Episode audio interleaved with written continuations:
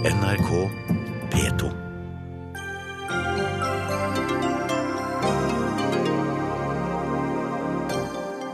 Hordaland politidistrikt brøt loven da etterforsker Robin Schæfer varslet om Monica-saken. En uavhengig rapport retter skarp kritikk mot politidistriktet og ledelsen der. Etterretningssjefen vil kontrollere, overvåke og kartlegge all kommunikasjon inn til Norge.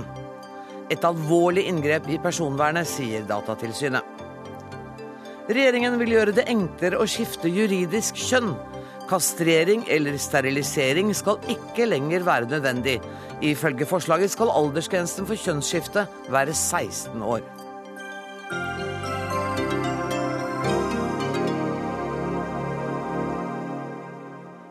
Dette er Dagsnytt 18 denne torsdagen, der vi også skal høre at Arbeiderpartiet vil lage trygghetsløyper i Oslo nattestid. En riktig dårlig idé, mener Unge Høyre. Men aller først. Robin Schæfer opptrådte korrekt, og Hordaland politidistrikt brøt arbeidsmiljøloven da de ikke fulgte ham opp som varsler i Monica-saken. Det er konklusjonen i en rapport som ble overlevert Justisdepartementet i dag. Arbeidet med rapporten var ledet av advokat Jan Fogner, og dette var hva han sa under presentasjonen i dag.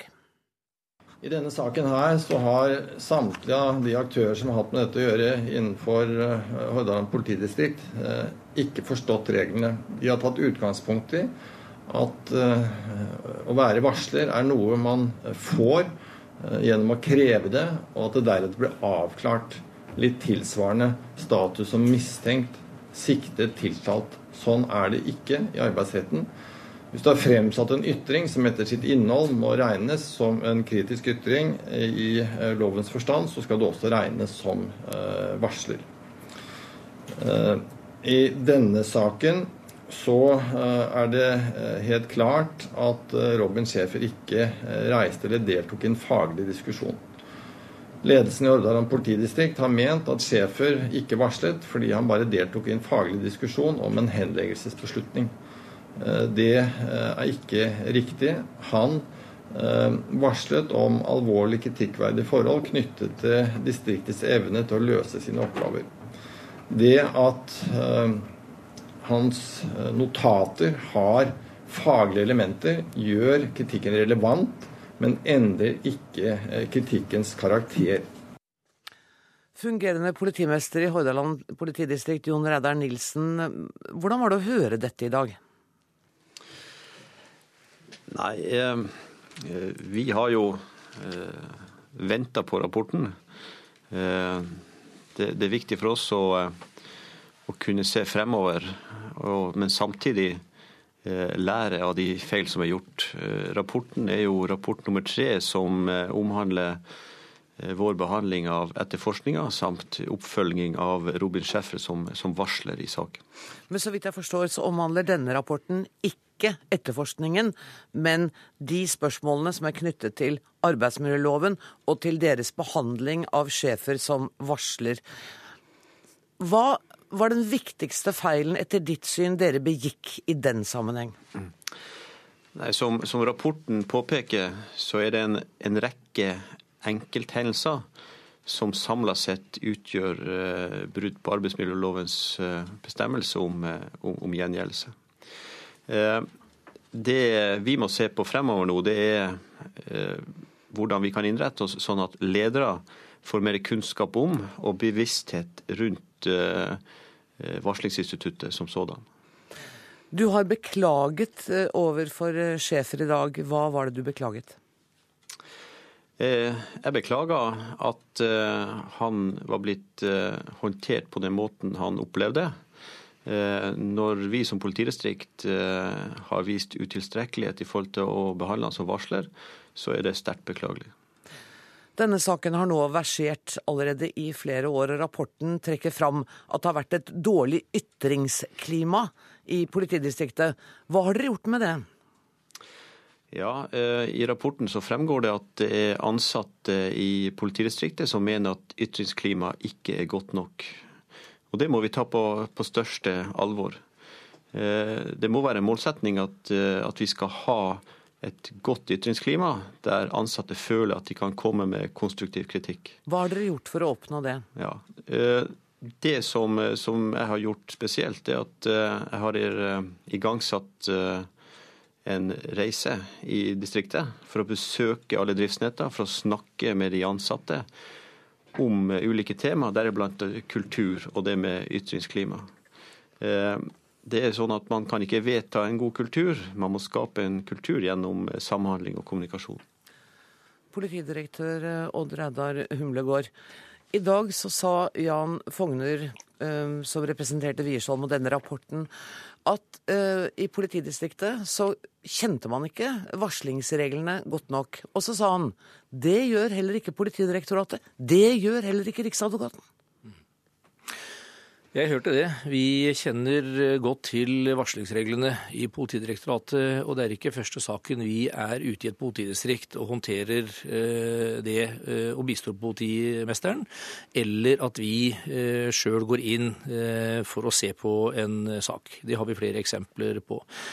Denne saken gikk dette eh, galt. Eh, det skyldes at vi kom bort dit i å skulle bistå politimesteren i en annen varslingssak. Hvor vi skulle da ha samtale med 22 personer. Eh, I løpet av dette arbeidet så kom navnet til Robin Schæfer opp, fordi han hadde en link til denne saken. Det var da ukjent for oss alt det som lå bak eh, i politidistriktet i flere måneders arbeid, og det han hadde gjort for å varsle og prøve å få denne saken gjenåpnet.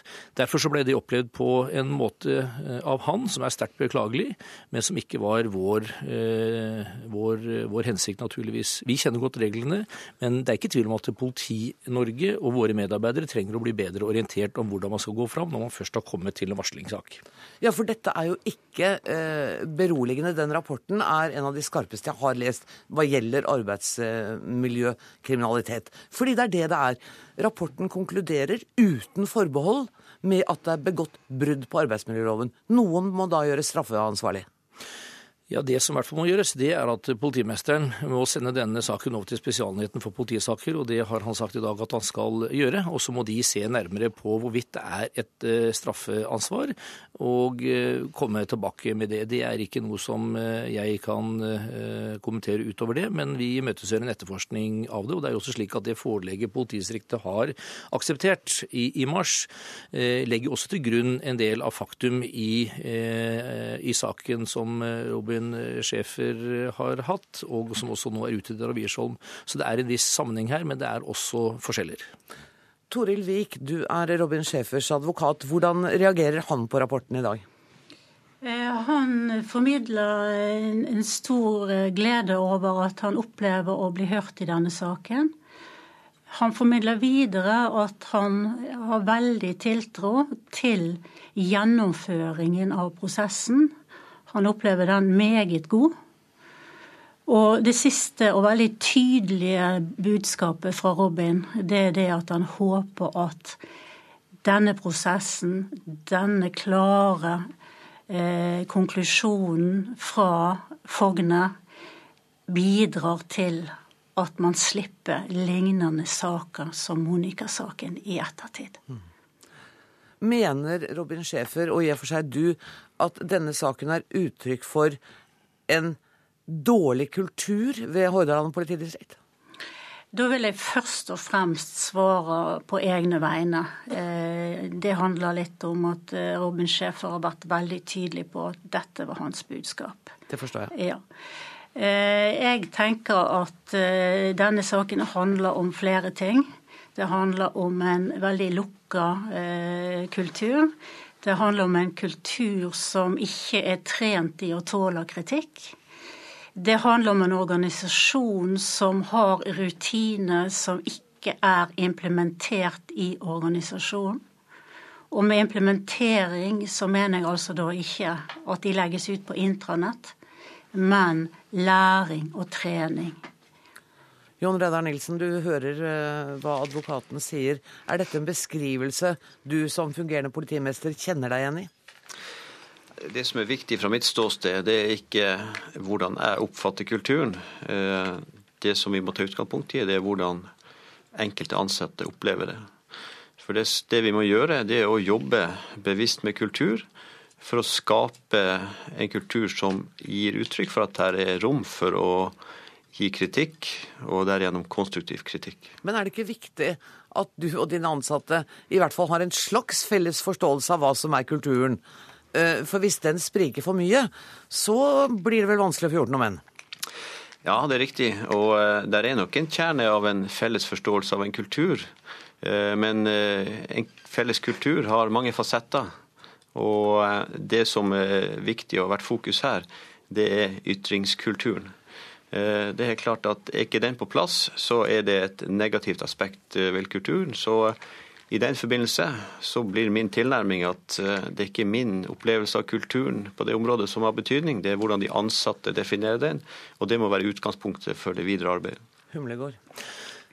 Også I dag er det mye snakk om varsling og kjenne til reglene rundt det. For meg så handler dette om å skape et klima, et miljø på en arbeidsplass og i en etat hvor faktisk det å komme med kritiske merknader, gode innspill, forbedringsområder blir sett på som et, eh, som et, godt innspill. Det er faktisk også det jeg kjenner gjennom mange år i politiet påtalemyndighet. Det er veldig mange som blir honorert for, og det blir satt pris på når man kommer med gode ideer, og også skarp kritikk. Det må bli noe mer bevissthet rundt om det, også i Hordaland politidistrikt. I denne saken saken har dette definitivt ikke fungert. Nei, han har jo ikke... også vært utsatt for gjengjeldelse. Ja, og altså, han har blitt straffet fordi han har varslet. Og det er definitivt ikke slik at spørsmålet må være når man har blitt varsler eller ikke. Spørsmålet er når en kommer med et 21 eh, begrunnede forslag til bedre etterforskning av en sak, en så alvorlig sak, da må det se på som noe bra. Og ikke at man skal oppleve det Robert Schäfer gjorde. Og særlig fordi det er eh, menneskeliv det handler om, og det skal vi ikke glemme. Det handler om et lite barn hvor politiet mener at hun da hadde tatt sitt eget liv. Hvor hun er drept. Dere kan ikke leve med mange sånne saker, politidirektør? Nei, og jeg, jeg må si det går inn på meg. Jeg synes det er ille å tenke på hvilken ekstra belastning det har vært for moren til Monica. Det må jeg si. Dette har vært krevende for oss, det har vært krevende for henne først og fremst. Hennes familie, og skulle tro lenge at hennes barn hadde tatt livet av seg. Det gjør dette nesten helt ulevelig for henne. Og det er også en dimensjon ved dette som vi må ta inn over oss. Det handler ikke for meg om teknikaliteter og når man ble en varsler eller ikke. Vi skal ta det også på alvor. Men det handler faktisk om å ta eh, fornærmedes utgangspunkt, eller de pårørendes utgangspunkt, og se hvordan oppleves det fra de. Dette kan ikke vi eh, være bekjent av, at vi ikke tar imot gode innspill fra gode medarbeidere. Vi spør jo om tips fra publikum. Når vi får tips fra våre egne medarbeidere, så må vi ta det på alvor. Da sier jeg tusen takk til Toril Vik og Jon Reidar Nilsen. Dere sitter i studio på Minde. Der skal det komme et par andre gjester inn. Skal, mens dere bytter plass, så skal jeg bare fortelle at uh, vi har selvfølgelig invitert uh, nåværende politimester uh, Geir Gudmundsen til å delta i Dagsnytt 18. Han hadde ikke anledning til det. Og, når vi snakker om han politidirektør Humlegård, jeg ser at du har sagt i dag at han kommer ikke tilbake til Hordaland politidistrikt eh, som politimester. Det har hans advokat reagert svært skarpt på. Og strengt tatt er det vel Kongen i statsråd som bestemmer det? Det sa også jeg at det er han som både ansetter og avskjediger. Men i denne saken så er det også slik at Geir Gudmundsen over tid har vært innbordet til Politidirektoratet. Det har han selv bedt om. Jeg har ikke hørt Geir Gudmundsen be om noe annet før han dro på en lengre ferie. Jeg har ikke snakket med han siden.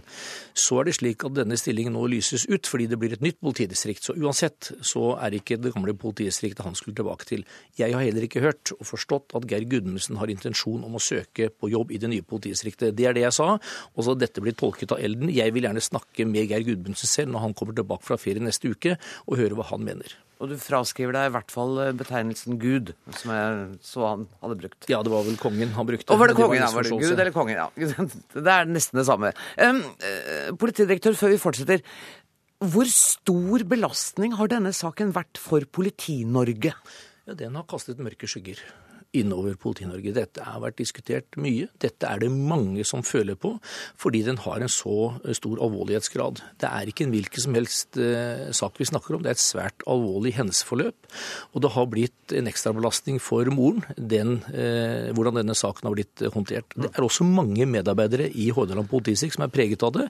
Det gjøres mye godt arbeid i politidistriktet. Dette eh, merkes i, i, blant medarbeiderne. Jeg var der borte to dager denne uken og snakket med flere.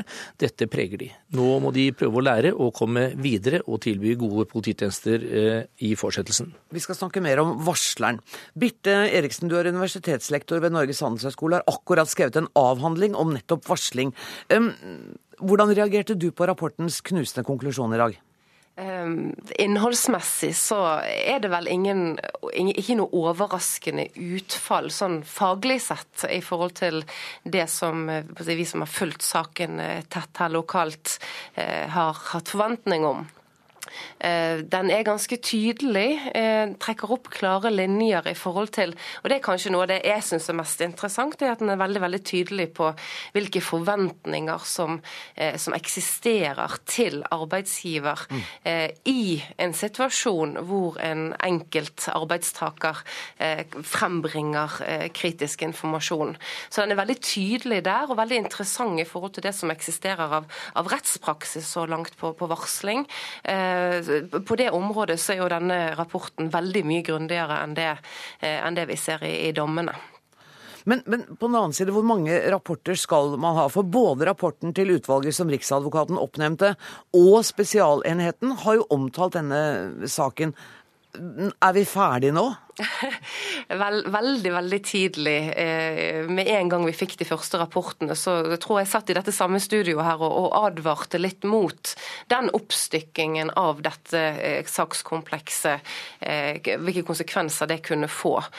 Vi har altså flere rapporter med hver sine avgrensede mandat, og så blir det litt sånn stykkevis og delt. Og jeg har noen egentlig lenger den fulle oversikten over sammenhengen mellom det som er gransket i de ulike rapportene.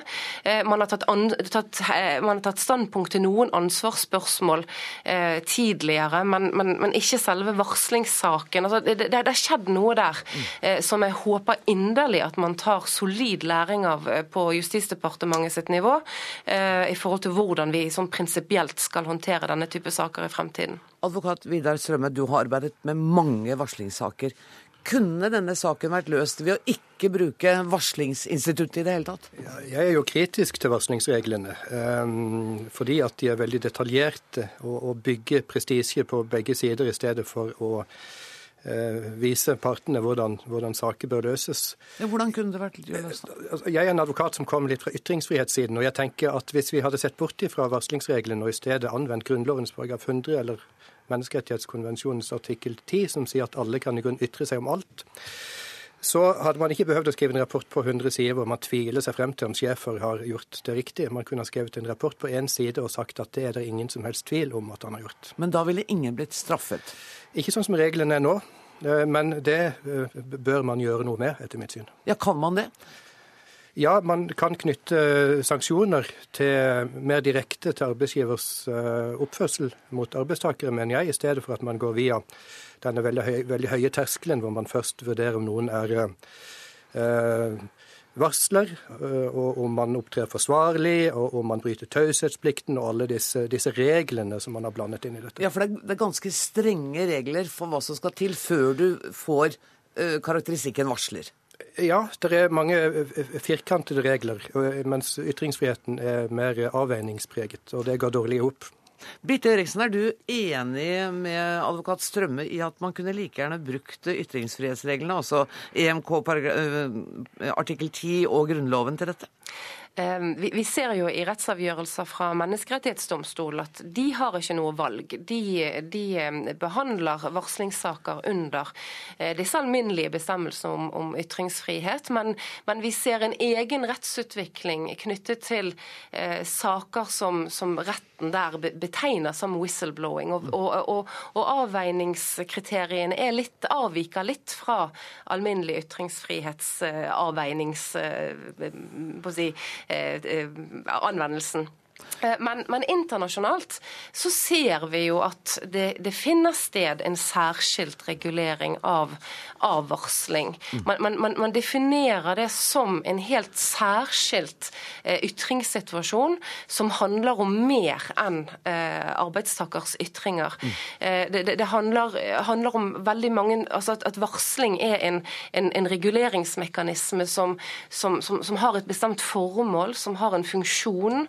Eh, og, og også dette konfliktløsningsperspektivet blir også i økende grad eh, understreket. Dette her med arbeidsgivers plikt til å lage systemer, nasjonale kanaler, mm. interne kanaler for varsling. Og det kommer også mye i, i EU-direktiv nå. Ja, så, men... så, så, det er et mer komplekst spørsmål, eh, mm. etter min mening. Humlegård, hadde det vært enklere å forholde seg til det hvis dette var sett på fra et ytringsfrihetsperspektiv, altså med grunnlov og artikkel 10? Det er mulig. Det er mange eh, granskinger og rapporter og undersøkelser som har truffet Hordaland politidistrikt på kort tid. Jeg kjenner ikke noe tilfelle som ligner på dette i de 30 årene jeg har jobbet i politiet. Men jeg er, som jeg sa innledningsvis, jeg er opptatt av at vi nå skal gjøre varslingsreglene kjent. Vi skal ha bedre rutiner og oppfølging av de varslingssaker som kommer. Men først og fremst handler dette om å skape en forståelse for at det å si fra, uansett hva det gjelder, det er det som skaper et bedre politi Kommentator i Bergens Tidende, Frøy Gudbrandsen. Eh, hvis det er noen som kjenner denne saken fra pressesiden, så er det jammen deg. Du hører jo her politidirektøren si at han tar dette på det største alvor, og at politimester Geir Gundersen kommer ikke tilbake. Allikevel har du sagt at du mener at politimester Gundersen bør trekke seg. Hvorfor det? Ja, jeg mener det. For dette, denne saken er jo en komplett politiskandale. Altså, I Monica-saken så tror jeg politiet har svikta på nær sagt alle punkter der det var mulig å svikte. Eh, og det er symbolsk sett eh, viktig at eh, ledere i offentlig forvaltning tar ansvar når det dokumenteres alvorlige feil. Og Én ting var da at det var store mangler ved den første etterforskningen i Monica-saken. Men det som for politimesterens del er mer alvorlig, det var jo at da han fikk eh, beskjed om at det kunne være alvorlige feil, ikke tok eh, dette alvorlig. Og Det som jo kommer fram i den rapporten eh, i dag, som for så vidt til dels har vært kjent tidligere også, det er jo at politimesteren har vært holdt løpende orientert hele veien. Så de slår jo fast at dette er i en viss grad en systemfeil, men, men i tillegg er det utvilsomt enkeltmennesker i politiet som har gjort feil. Og ikke hvilke som helst enkeltmennesker, men politimesteren selv. Og da mener jeg det vil være veldig naturlig for han å og rett og slett trekke seg nå. Men, men betyr det noe? Altså, nå, nå, vet vi at han kommer ikke tilbake som politimester i dette distriktet. Hvorfor må han ydmykes ytterligere? Eh, altså det, er, det, er, menneskelig å gjøre feil, eh, men det bør også være menneskelig å eh, akseptere at det har skjedd eh, alvorlige feil på ens vakt. Eh, og Det vil ikke ha noen praktisk betydning, men det vil ha en symbolsk viktig betydning om han som, en, eh, som politimester trekker seg. Og Dette handler om tilliten til, altså befolkningens tillit til politiet. Mm.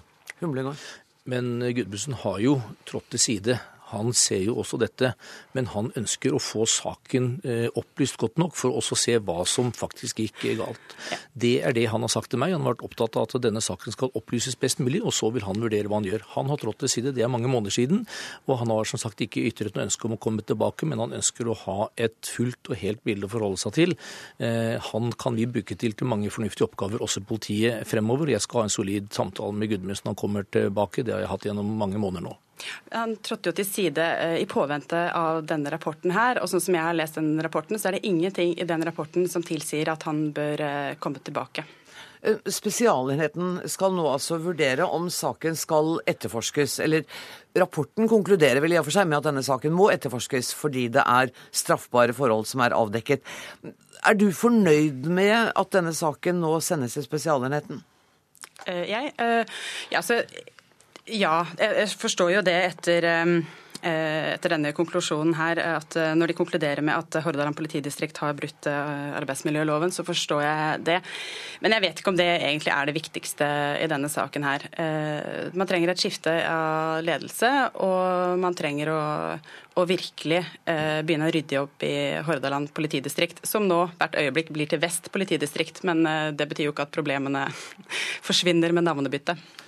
Problemene kommer kanskje ikke til å forsvinne med navnebytte, Humlegård, men innsatsen fra Politidirektoratet for å både bedre kulturen, skjerpe årvåkenheten, den vil være til stede? Den vil være til stede også i politidistriktet. Jeg hadde møte med tillitsvalgte, vernetjeneste og ledere nå i to dager i Bergen. Det ga et håp om at de virkelig ønsker å ta tak i dette og se fremover, og de har lært mye. Det har vært en dyr lærepenge. Jeg er redd det ikke er siste gang du blir invitert til studio for å snakke om uh, denne saken, men du skal ha takk for at du kom i dag. Tusen takk, Odd Reidar Humlegård. Takk også til Vidar Strømme, Birte Eriksen og Frøy Gudbrandsen. Dagsnytt 18 alle hverdager klokka 18. På NRK P2 og NRK2.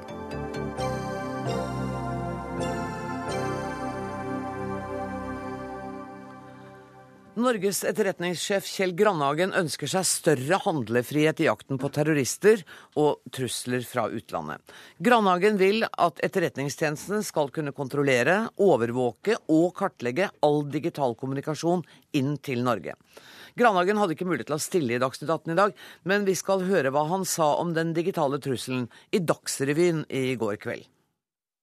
Jeg mener at eh, vi tar en betydelig risiko dersom vi ikke adresserer dette problemet på en eh, skikkelig måte, og utstyrer både Etterretningstjenesten og Politiets sikkerhetstjeneste med de verktøyene som er nødvendig for at vi kan adressere disse truslene. Vi driver altså en kontroll av landegrensen vår, både i forhold til mennesker som kommer inn, og i forhold til varer som tas inn i landet vårt. Eh, det store spørsmålet er jo eh, skal man tillate at det digitale rom blir et slags fristed for alle mulige slags typer virksomhet. Terrorisme, fremmed etterretning, organisert kriminalitet. Er dette her egentlig en form for masseovervåking? Jeg tror det er veldig viktig at vi klarer å skille mellom det som er masseinnsamling av data, og det som er masseovervåkning. Eh, hvis vi skal ha noen mulighet til å avsløre ukjente trusler mot Norge, der vi ikke vet hvem som potensielt kan utgjøre trusselen, eh, så er vi nødt til å se på sammenhenger i kommunikasjon. Kim Eilertsen, juridisk direktør i Datatilsynet. Hvilke grunner er det for å nekte etterretningssjefen å få oppfylt dette ønsket her? Det er, det er, en del grunner. Vi kan starte med en demokratisk forankring, i hvert fall. At eh, Grunnen til at vi har og liker demokratiet, er jo at det innebærer ganske mange elementer av frihet. Og, og, Overvåking er jo da en reduksjon i frihet. Det er jo noen som faktisk følger med på og vet hva du har gjort i, og gjerne i sanntid her. Og eh, en, en, verdi som mange tror jeg setter pris på, er jo å kunne kommunisere uforstyrret og vel vitende om at det ikke er noen som lytter eller spaner på hører på linja når du snakker med andre mennesker. Eva Jarbekk, du er advokat og leder av Personvernnemnda. Har du forståelse for at etterretningssjefen ønsker seg utvidede fullmakter? Det har jeg faktisk forståelse for. Eh, men nå må jeg bare presisere at du uttaler meg som advokat, og ikke som leder av nemnda. Okay. Eh, jeg har stor forståelse for at Forsvaret må se på hvilke hjelpemidler de har eh, til å ivareta sine samfunnsgitte oppgaver når teknologien gjør at samfunnet endrer seg. Så vi bør si ja til dette? Det er langt fra det jeg sa nå. Eh, fordi Forsvaret opererer i en juridisk kontekst etter et mandat fra Stortinget. De gjør ting som Stortinget har sagt at de skal få lov til, men ikke noe annet. Nå sier sjefen, uh, sjef E, at uh, han mener at han trenger noen andre virkemidler. Det skal man lytte på. Og så må Stortinget og vårt samfunn ha en god prosess rundt hvordan skal man vurdere om man skal implementere den den type tiltak. Vet dere hva, Vi skal høre bitte litt fra, til fra det Grandhagen sa i går. For han fikk nemlig spørsmål om personvernet, og her er det han svarte på det. Noen vil mene at dette er eh, en grov krenkelse av personvernet. Hva tenker du om det? Personvernet dreier seg ikke bare om eh, intellektuelle forhold og intellektuell eiendom. Eh, det dreier seg faktisk også eh, om menneskers eh, fysiske sikkerhet. Og eh, dette er jo nettopp noe av hensikten eh, med denne type tiltak. Det er å ivareta enkeltmennesker i vårt samfunn mot den type trusler som vi i dag står overfor. Eilertsen, ble du beroliget da du hørte presiseringen hans? Nei, på ingen måte. Eh, han, han, bommer litt på hva personvern er. Han snakker om trygghet. Personvern er en, er en, ideell frihet. Det er noe vi, vi, vi setter veldig høyt. Eh, hvis man kan tenke seg en, en, stor grad av frihet som begrenses mer og mer av overvåkning. Friheten slutter når man vet hvis det er noen som henger over skulderen din hele tiden, så vil du ikke føle deg noe særlig fri. Og eh, jeg tror man kan tenke seg, hvis, hvis, du har trygghet og sikkerhet på den ene siden, så holdes det veldig ofte opp mot personvernet på den andre. Og, og, overvåkning er da tiltaket. Men overvåkning er da motsetningen til, til frihet. Så hvis man tar bort friheten og erstatter den med et overvåkningsregime Jeg sier ikke at det er det Grandhagen vil, men det er i hvert fall perspektivene vi er nødt til å se på. At det er et ganske alvorlig inngrep når man sier at jo, vi skal gjerne, eller vi skal samle og ha oversikt over all kommunikasjon, og så skal vi se hva vi skal bruke av det etterpå. Hva gjør det med hvordan vi kommer til å oppleve det å kommunisere? Men jeg, jeg skjønner hva du sier, men veldig mange mennesker vil si jeg er eh, et lovlydig menneske. Hvis det at myndighetene sjekker mine telefoner, SMS-er, hvor ofte jeg går på polet, så er det helt i orden for meg hvis det sikrer min fysiske trygghet. Dette sa folk på TV i går. Ja, Nei, og det er, det er, jo det som gjør at den ideelle verdien i personvern er vanskeligere å argumentere med enn det E-sjefen gjør. Ja.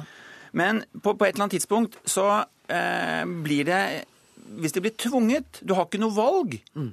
Disse personene som svarte på TV i går du, Jo, jeg har ikke noe imot det. Men altså, skal vi, skal vi måtte velge? Mm. Hvis det blir tvunget, så er det ikke noe valg lenger. Friheten blir borte. Eva Jarvik, advokat. Hva syns du? Jeg vil gjerne si noe, for dette er jo svært viktige eh, ting. Eh, altså, det man sitter og ser på her, det er en kontrollmekanisme som ikke så veldig mange land eh, sier at de har. Vi vet at det finnes noe som tilsvarer i Sverige. Vi har lært gjennom Snowden at det finnes noe tilsvarende i USA, og, det har vel i og for seg vært offentlig før det òg. Men i realiteten så åpner dette for at man ser på innholdsdata i elektronisk kommunikasjon, altså hva vi sender til hverandre, og man ser på det vi kaller for metadata, altså hvem er det som snakker med hvem. Den mengden opplysninger sier veldig mye om hvert enkelt individ. Det sier egentlig alt. Mm. Det er åpenbart at hvordan man bruker den informasjonen, hvem som får tilgang til den, eh, det at den faktisk finnes, eh, vil ofte føre til en viss fristelse til at kanskje kan man bruke den til noe mer enn hva man bare tenkte i utgangspunktet. Det er det som noen av oss kaller for formålsutglidning. At man litt lenger ned veien finner ut at dette her var jo praktisk. Mm. Det trenger ikke å skje. Eh, men det er helt essensielt at skal man i det hele tatt gå inn på denne type kontrollfunksjoner, eh, så er dette ting som adresseres tidlig. Eh, fordi selv om man generelt sett ikke har noe imot å bli overvåket når man ikke har noe å skjule, så er det ikke sikkert at man vil at mange offentlige organer f.eks. skal få tak i den samme informasjonen, selv om den i utgangspunktet er lagret ett sted. Jeg tenker at jeg er glad jeg ikke er lovgiver når jeg hører deg sitte og si, for det, det, må jo bli en lov som er ganske detaljert både i lovtekst og forskrift. Ja, og jeg tror ikke at man skal begynne med en lov nå.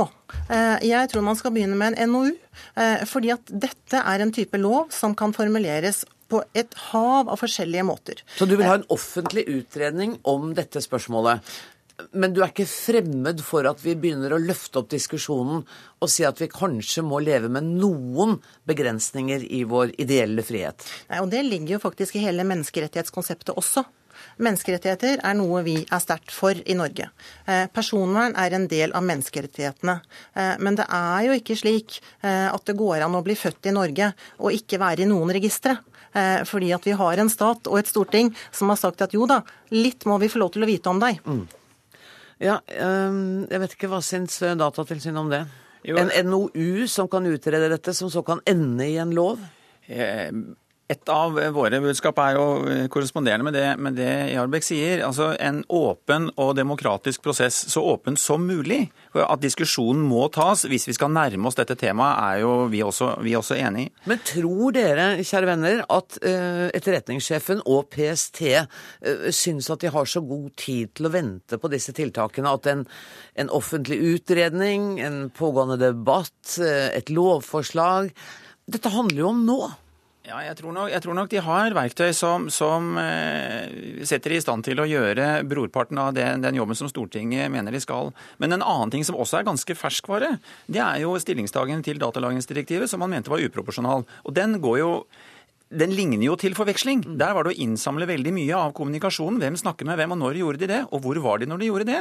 Den var ikke proporsjonal med det formålet som da var politimessig den gangen. Sånn at vi har hatt debatten oppe, og, og foreløpig så har jo proporsjonalitetsvurderingen falt i enkeltindividenes favør. Mm. Jarbekk, er det problematisk? Altså, jeg, jeg, mener at uh, skal man gå inn på dette her, så må man se på hva er de reelle gevinstene. Mm. Man må tørre å ta tak i alt det som er vanskelig, uh, og, og, det som er bra. Eh, det er ingen av oss som ønsker terror. Eh, men det er eh, heller ikke så mange som har lyst til å bli overvåket rund baut. Det er den balansen der vi snakker om, ikke sant? Ja, det er det. Og hvis vi skal velge noen sånne virkemidler, så går det an å putte mye informasjon rundt dette her. Og hvis ikke vi har tid til det som land i Norge i dag, så er vi rimelig dårlig stilt. Og så dårlig stilt er vi faktisk ikke. Hvilken del av din personlige frihet ville du vært villig til å gi opp? I det godes tjeneste, så å si, altså for å bekjempe terrorisme? Jeg har akkurat slettet en skritteller-app fra min mobiltelefon, så jeg, jeg, holder ganske nøye på personvernet mitt. Ja. Men, du, men, hva ville du tillate at myndighetene skulle få vite om det? Myndighetene vet veldig mye om meg. Eh, og, og, men de vil vite mer? Jeg tenker, eh, For å være helt konkret. Du har en klient eh, som har kontakter i eh, utlandet eh, taushetsbelagte eh, opplysninger går mellom dere. Vil det være greit at myndighetene leste dine Nei, og der er det jo begrensninger på hva politiet kan gjøre i dag, ikke sant, på den type kommunikasjon. Men det er nettopp det han vil endre på. Nei, jeg tror kanskje ikke han vil det. Ok. Eh, han vil i hvert fall samle dem inn, sier han. Ja, han vil samle inn alle disse opplysningene. Ja, eh, Om han egentlig har lyst til å se på taushetsbelagt klientinformasjon, det er jeg ikke sikker på at han vil. Eh, for det, er, det reiser helt andre problemstillinger. Helt til slutt. Ja, jeg tror altså, de, som, eh, de skumle elementene som eventuelt fanges opp, de vil kanskje være de første for å vanskeliggjøre denne type avlytting. Og, og om det er taushetsbelagt juridisk eller ikke, eh, det vil antagelig de elementene som han er på jakt til, ha et avslappet forhold til. Tusen takk for at dere kom eh, til Dagsnytt 18, begge to.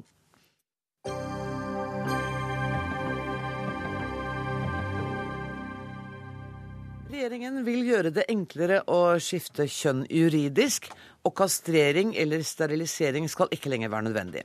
I dag ble lovforslaget sendt ut på høring, og det innebærer at alle som har fylt 16 år, nå skal kunne skifte juridisk kjønn.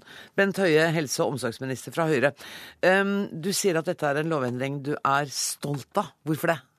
Nei, Det er fordi at eh, jeg tror at samfunnet vårt sin eh, evne til å ta vare på menneskerettighetene og respektere enkeltmennesket handler om hvordan vi tar vare på noen av de minste gruppene i samfunnet vårt. Dette er en lovendring som ikke har stor betydning for mange, men som er livsviktig for de det gjelder. Nettopp. Den er helt sentral for de det gjelder. Fordi dere nå legger vekk kravet til kirurgi.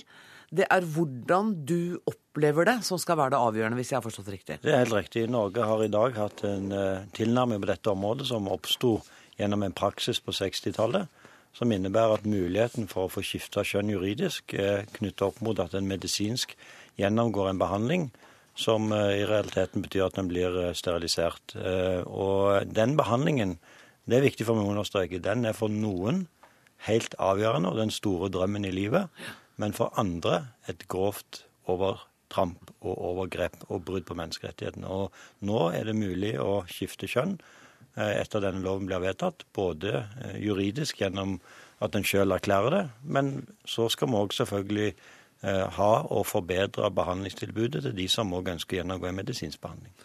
Espen Ottosen, infoleder i Misjonssambandet og styreleder for tankesmia Skaperkraft. trenger jeg engang spørre hva du syns om dette forslaget? Ja, du kan godt det. Ja, siden du er gjør jeg det. Ja, og jeg er jo bitte litt usikker, faktisk. Fordi jeg har ikke veldig klare meninger om akkurat akkurat hva regjeringen burde ha gjort. Men jeg syns ikke det de nå foreslår er godt nok. Å nei, Du er bare sur av prinsipp? nei, men jeg er ikke noe ekspert på uh, juridiske forhold. Og jeg innser at dette er kjempekomplekst. Og jeg forstår også veldig godt at man skal ivareta denne sårbare gruppen som Høie snakker om, på en best mulig måte.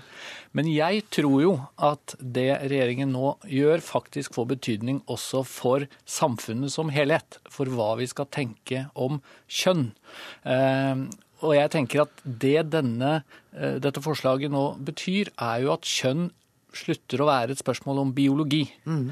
Det blir til et spørsmål om hva jeg føler, og hvordan jeg opplever meg selv. Mm. Gjør det noe? Jeg tror at det kan gjøre noe, i hvert fall på sikt. Fordi at hvis dette da virkelig gjennomføres i samfunnet, så blir det altså plutselig problematisk eh, hvis jeg jobber i en barnehage og behandler en liten fireåring som jeg tenker er gutt, som gutt. Fordi at nå sier jo da Høie og denne loven at eh, det kan jo hende at selv om han har man, gutte, gutteutseende, mannlige kjønnsorganer og alt det der, så kan det hende han føler eh, seg som en jente. Eh, og da ønsker man jo å ikke å diskriminere, og man ønsker å ivareta denne gruppen best mulig osv. Og det er en av grunnene til at i Sverige så er det en barnehage som har innført begrepet hen. Men eh, bare til deg, personer mellom 7 og 16 år kan etter forslaget søke om endring av juridisk kjønn sammen med den eller de som er deres foresatte. Så det er altså ikke snakk om at man skal begynne med dette fra de nyfødte, uh, Høie. Det, det, det Nei, men... skal ikke være sånn at en treåring som har lyst til å prøve søsterens skjørt, skal Nei, men, omfattes som jente. Eh, men det er det mange treåringer som, uh, som gjør, gjør, i dag. Nettopp. Og det er jo det som jeg syns at Ottesen Han kompliserer noe som er veldig enkelt. Uh, det er ikke sånn at heldigvis at verken jeg som politiker eller Ottesen som samfunnsdepartement kan bestemme disse tingene. Eh, gutter på tre år i dag eh, opplever seg som jenter. Altså Barn som er født som gutter biologisk, opplever seg som jenter og må få lov til å leve som det. Eh, den juridiske delen av det er det jeg har makt til å rydde opp i. Fordi dagens lovverk innebærer at mennesker som er født i feil kropp, opplever grusomme situasjoner. De kan f.eks. Noen av de ikke reise på ferie fordi de er nødt til å reise med et pass som forteller at de er et annet kjønn enn det de åpenbart er når du ser dem. Mange av de har problemer med å søke jobb, rett og slett fordi at da vil deres egentlige kjønnsidentitet bli kjent gjennom personnummer, gjennom eh, de bevisene som må legges fram. Eh, barn, ungdom som, eh, som vokser opp, opplever dette som, som en svær belastning. Det vi som kan gjøre som samfunn, det tar vekk den belastningen. Men heldigvis så har vi ikke et samfunn der vi kan gå inn og bestemme at mennesker som er født i feil kropp, skal tvinges til å leve som et annet menneske enn det de faktisk er født som. Men det vi også gjør med dette, ifølge høringsnotatet som Jeg bladde fram for å finne det ut nå, eh, for jeg har lest det. Men, men vi, er, vi prøver også å påvirke internasjonale menneskerettigheter med denne lovendringen.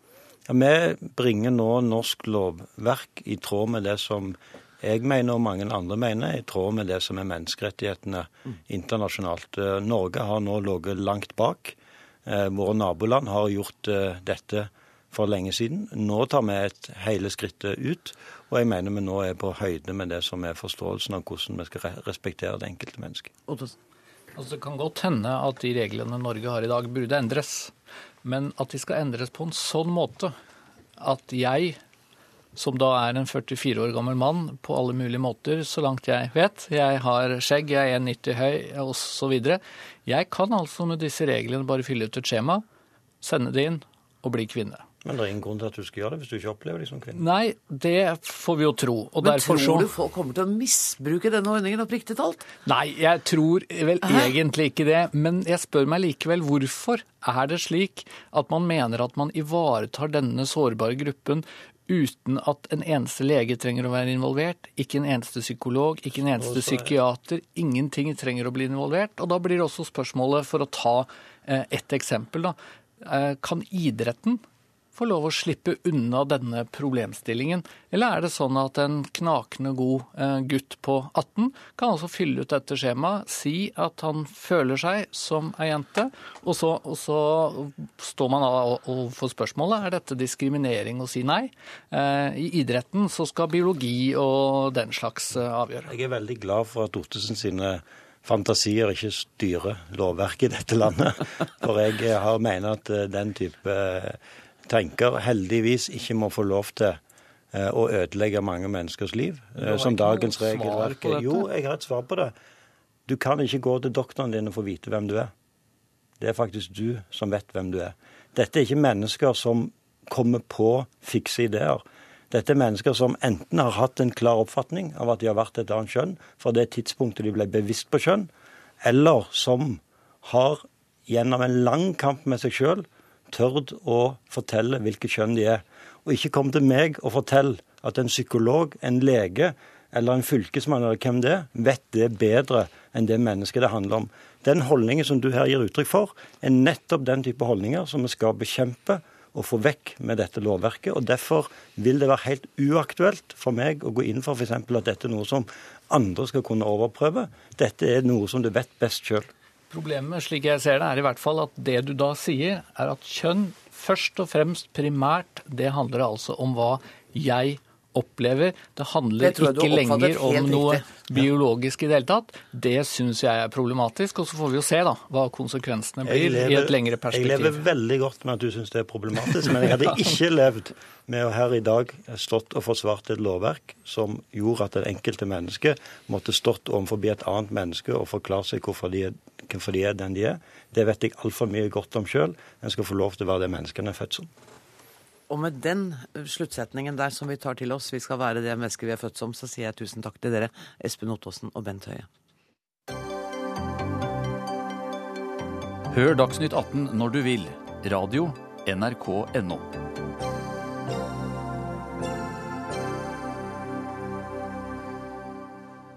Minst 35 personer ble drept da terrorgruppen IS igjen innledet en voldsom offensiv mot den kurdiske grensebyen Kobani de siste dagene.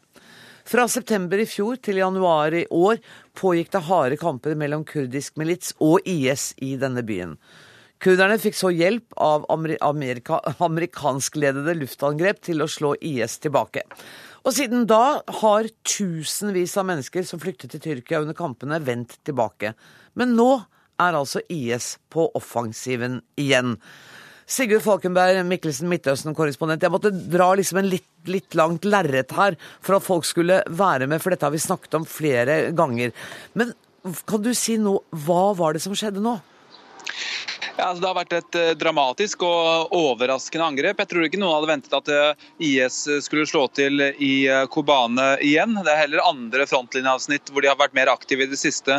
Men de begynte altså i dag morges under dekke av mørket rundt klokken 4.30 lokal tid med en selvmordsbombeaksjon på den tyrkiske grensen. og Fulgte deretter opp med flere bilbombeangrep inne i byen.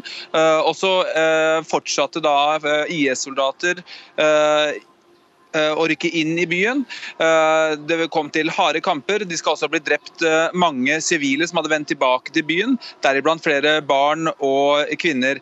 Så har det også vært to luftangrep fra amerikanske fly, sånn at de også har vært involvert. og Det har kommet relativt raskt etter, ettersom, ettersom angrepene jo kom i dag morges. og Kurdiske kilder sier at så mange som 75 mennesker er drept, men det er ikke uavhengig bekreftet.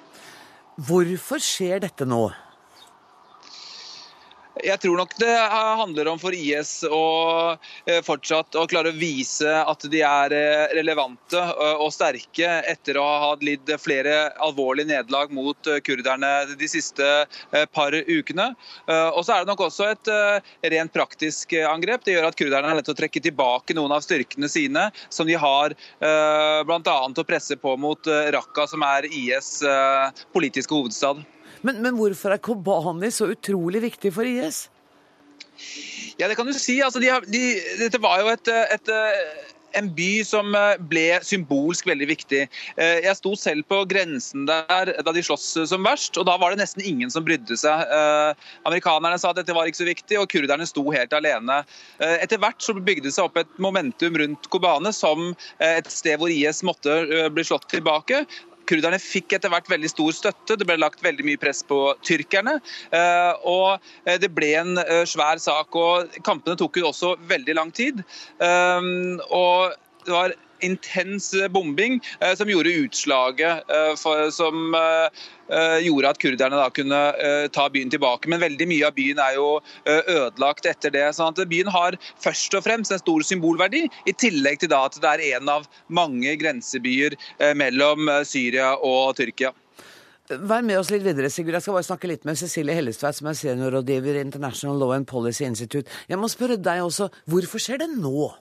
Dette har nok litt sammenheng med eh, de forhandlingene som foregår mellom Iran og amerikanerne eh, i Genéve i disse dager, fordi det er en uke igjen til den fristen går ut. Og alle har ventet at på en måte presset og trykket både i Syria og Irak skulle tas opp i måte, tiden opp mot det. Det er ikke bare i Kobane at IS har en offensiv. De har også en offensiv eh, i Hasaka lenger eh, øst, og i Irak i Diyala-provinsen, som er alle områder som de mistet i januar-februar i år. Og I tillegg så er det da slik at de andre opprørerne i Syria de har en voldsom offensiv mot regimet i Aleppo, som de har tatt, de har tatt store nye områder der, og fra sør i Dera eh, nå denne uken her. Så dette her er på en måte en del av en større Er IS voksende for tiden? Jeg Altså, trodde de hadde tilbakeslag, ble slått tilbake, og at, man, også, at, det lå på et litt lavere nivå, men nå virker det som om de er i full blomst igjen. En veldig flukssituasjon. IS mistet eh, bl.a. et område i Libya, provinsen sin i Libya, mistet de nylig. Ja. De har samtidig nå eh, feiret ramadan med å etablere en, ny provins i Kaukasus. Så dette her er veldig sånn fluks, eh, ikke bare i Syria og Irak, men i hele eh, området. Når det gjelder akkurat situasjonen i Syria, så er det slik at det er riktig sånn som altså, Sigurd sier, at de har mistet, de har fått veldig press på Raqqa, som er hovedstaden deres, og de ønsker å sørge for at kurderne forsvinner fra hovedstaden og går til andre steder. Men det er også politisk, fordi da IS presset på for Kobani for å ta den byen, så handlet det veldig mye om forholdet til Tyrkia. Det er veldig krevende for tyrkiske myndigheter å forholde seg til de, som, de, de kurderne som er i Syria, fordi at de er politisk alliert med PKK, som da er en gruppe i Tyrkia. Tyrkia, mm. Så eh, spørsmålet var jo da, klarte den tidligere regjeringen å løse dette her på en god måte? Til slutt så endte de opp med å hente inn peshmergaer fra Irak, som da er kurdere i Irak som det tyrkiske regimet har et nært forhold til, og som de stoler på. Eh, Nå har vi fått en ny regjering i Tyrkia, og mange forklarer tilbakegangen til Erdogan i valget, også med måten han, Han har taklet han taklet på. Kobane på. Mm. Så dette her er liksom en ny test da, til de nye tyrkiske myndighetene. Hva skal de gjøre? Kommer de til å sette inn den tyrkiske hæren for å redde Kobani? Da risikerer vi på en måte en mye større konflikt. Skal de bruke tyrkiske syrere, nei, tyrkiske kurdere for å, for, å, for å hjelpe dem, eller skal de også måtte bruke eh, irakere? Så det, det er på en måte en sånn del av et større skal vi si, taktisk spill mot nord. Hva, hva tror du, Sigurd? Hva kommer de til å gjøre for å sikre Kobani? Nei, altså den store, det store spørsmålet her eh, er hvorvidt eh, selvmordsbombeangrepet på grensestasjonen kom via Tyrkia, eller om det kom via Syria. Eh, det er mange på kurdisk side som mener at det kom via Tyrkia, og med det impliserer at tyrkerne er involvert som støttespillere til IS, og at de foretrekker da IS framfor et sterkt, sterke kurdiske grupper. Eh, Men her så ser vi også at på tyrkisk side så mener noen av de politiske partiene at tyrkerne var involvert, mens YPG, altså gruppen som faktisk står for krigføringen, er mye mer tilbakeholdne og sier at de ennå ikke vet helt sikkert uh, hvor selvmordsangrepet på grensestasjonen kom fra. Jeg tror at vi kommer til å snakke mer om dette. Jeg er nødt til å avbryte dere her. Tusen takk skal dere ha, Sigurd Falkeberg Mikkelsen og Cecilie Hellestveit.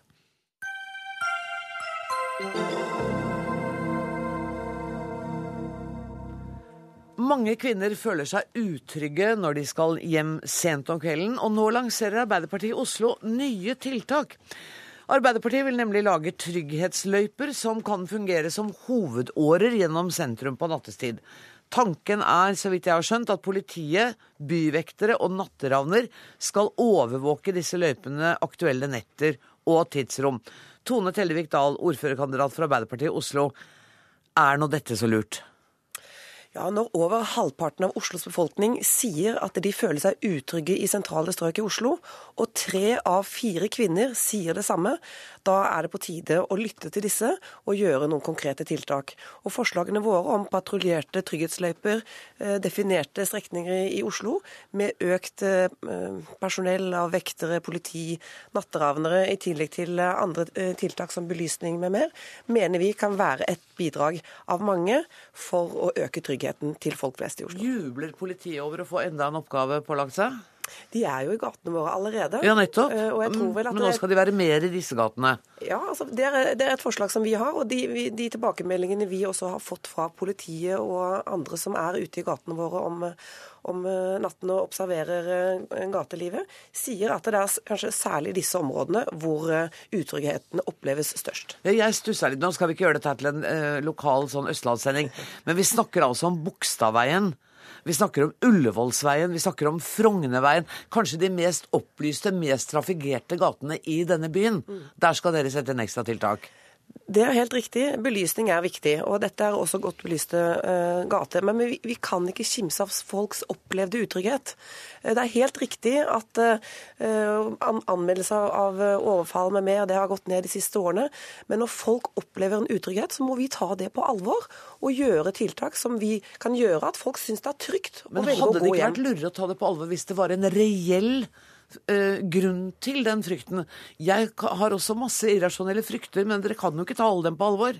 Jo, men vi syns at uh, vi skal gjøre vårt for å kunne gjøre at folk opplever byen trygg også, ikke bare at den er der. Og det skjer, vi må ikke undergrave det. Altså det, det skjer også overfall i disse områdene. Og de som kanskje er minst redd, er de som er mest utsatt, nemlig unge menn. Elise Loftheim fra Unge Høyre, du er også rådgiver for Høyres eh, stortingsgruppe. Hva syns du om dette forslaget? Nei, først og fremst vil jeg jo si at Det er veldig bra at Arbeiderpartiet i Oslo også er med på å se hva man kan gjøre for å gjøre Oslo enda tryggere enn det det er. Eh, men jeg syns forslaget er et eksempel på at gode intensjoner kan bære litt galt av sted. Eh, fordi det er jo sånn at ikke bare noen områder skal være trygge, men hele byen som helhet skal være trygg. Men med en gang man begynner å definere noen områder som skal være mer trygge enn andre, så forskyver man jo utryggheten til de andre områdene. For Hvis du er en skurk da, eh, og som skal ligge på lur, så, så går du ikke til de områdene man liksom har gått ut og sagt at her skal det satses nå. Så da blir de andre områdene ikke så, så da går på bekostning av det arbeidet man kan gjøre der. Det blir farligere i de andre områdene, er det ja, det du sier? Jeg, jeg tror det. Og så eh, må man også huske på at man har en litt sånn uheldig debatt i Norge i dag som går på, på jenter særlig. Har de, var de kledd upassende? Var de for fulle? Burde de droppa de to siste ølene og tatt en taxi osv.? Og, så og med dette forslaget her så vil du få et enda ledd i den debatten. For nå kan man si Uh, å ja, men hun gikk jo ikke en halvtime omvei for å komme hjem via den Raymond-løypa. Uh, så, sant? Og det, det, tror jeg er ikke den retningen man skal gå i for å gjøre Oslo enda tryggere enn det det er. Raymond-løypa kalles det altså fordi det var Raymond Hansen som foreslo ja. dette her. Men hva er ditt forslag til å løse dette problemet, da? For det er jo et stort problem. Både at folk føler seg utrygge, og at det reelt er utrygt. Ja, og det er, det er, jo også viktig å skille mellom den, er, den faktiske tryggheten og den tryggheten man opplever. Eh, og det er den man, som Raymond Johansen sier selv, det er den, den uh, subjektive utryggheten som folk føler selv, man er ute etter å, å få gjort noe med. Uh, og når man da som, som, en jente, jeg er 22 år gammel og er ute i Oslo, når jeg skal hjem fra, fra fest i lag og noen vil ødelegge for kvelden min, så, så er ikke det nødvendigvis uh, et, bra, et bra idé at jeg må gå en omvei hjem. Hvis ikke så vil jeg komme til å føle på at det er kanskje min skyld. Det har jeg skjønt, men jeg lurer eh, på hva du syns de burde gjøre, og du får 20 sekunder på å komme med det geniale forslaget. Ja, Nå, jo, nå går jo tallene i riktig retning i Oslo. Ja. Uh, altså Det man gjør allerede, funker veldig bra, og det må man fortsette med. Dette er skrota, for det strider med den planen man har i Oslo, i Oslo kommune. Uh, så mer av det man gjør allerede nå, det er, det er en god ting å fortsette med. Tone Tellevik Dahl, dette med bedre gatebelysning, noe så enkelt som det, mm. kan jo bidra veldig godt? da? Ja, selvfølgelig er det og det. er mange ganske uh, mørke områder. og Aftenposten har jo selv bedt publikum om å rapportere tilbake områder ja. hvor de syns er utrygge. Og det er ganske mange, og mange av disse områdene har Arbeiderpartiet pekt på. Her kan vi med enkle midler gjøre uh, opplevelsen av trygghet mye større. Så Det er et av de tiltakene vi har i denne trygghetsløypepakken. At vi skal ha bedre belysning på flere av disse strekningene. Men vi har altså et byråd i dag som har sørget for at tre av fire kvinner opplever utrygghet. Vi har en belysningsplan som er langt fra gjennomført. Så det, det handler om at nå må vi ha et taktskifte i, i, denne byen. Ta folk på alvor. Og dette er ett av flere tiltak som kan gjøre byen faktisk tryggere, men også den subjektive opplevelsen tryggere. Og det skal man altså ta på alvor. Ja, det, det, er, det, er, veldig bra du nevner belysning, fordi det er veldig viktig. og Det er noe byrådet har satset på, og det har gitt gode resultater. Men Oslo Arbeiderparti foreslo jo i sitt reviderte budsjett å stryke 3,6 millioner til belysning eh, opprinnelig. og så oh, da har det ikke gått veien jeg ja, la dere ta, jeg skal la den ligge. Ja, men jeg skal la den ligge. Eh, men det er bare måtte påpekes. Men så har man òg eh, sett at det her går, går veldig bra ja. med de tiltakene man gjør. Og nå har man i tillegg også fått en regjering som satser på Oslo-politiet. For nå slipper Oslo være helt alene om ansvaret rydde opp i Oslo-politiet. Så fantastisk! Nå snakker vi så fort som vi bare klarer, for det går mot slutten her. Tusen takk til Elise Loftheim, Tone Tellevik Dahl. Helt til slutt så skal jeg bare fortelle, før vi går ut i denne lyse sommerkvelden, at ansvarlig for sendinga i dag var Elisabeth Aanesum. Det tekniske ansvaret er det Lisbeth Sellreite som har. Jeg heter Anne Grosvold, og vi høres i morgen. Takk for nå.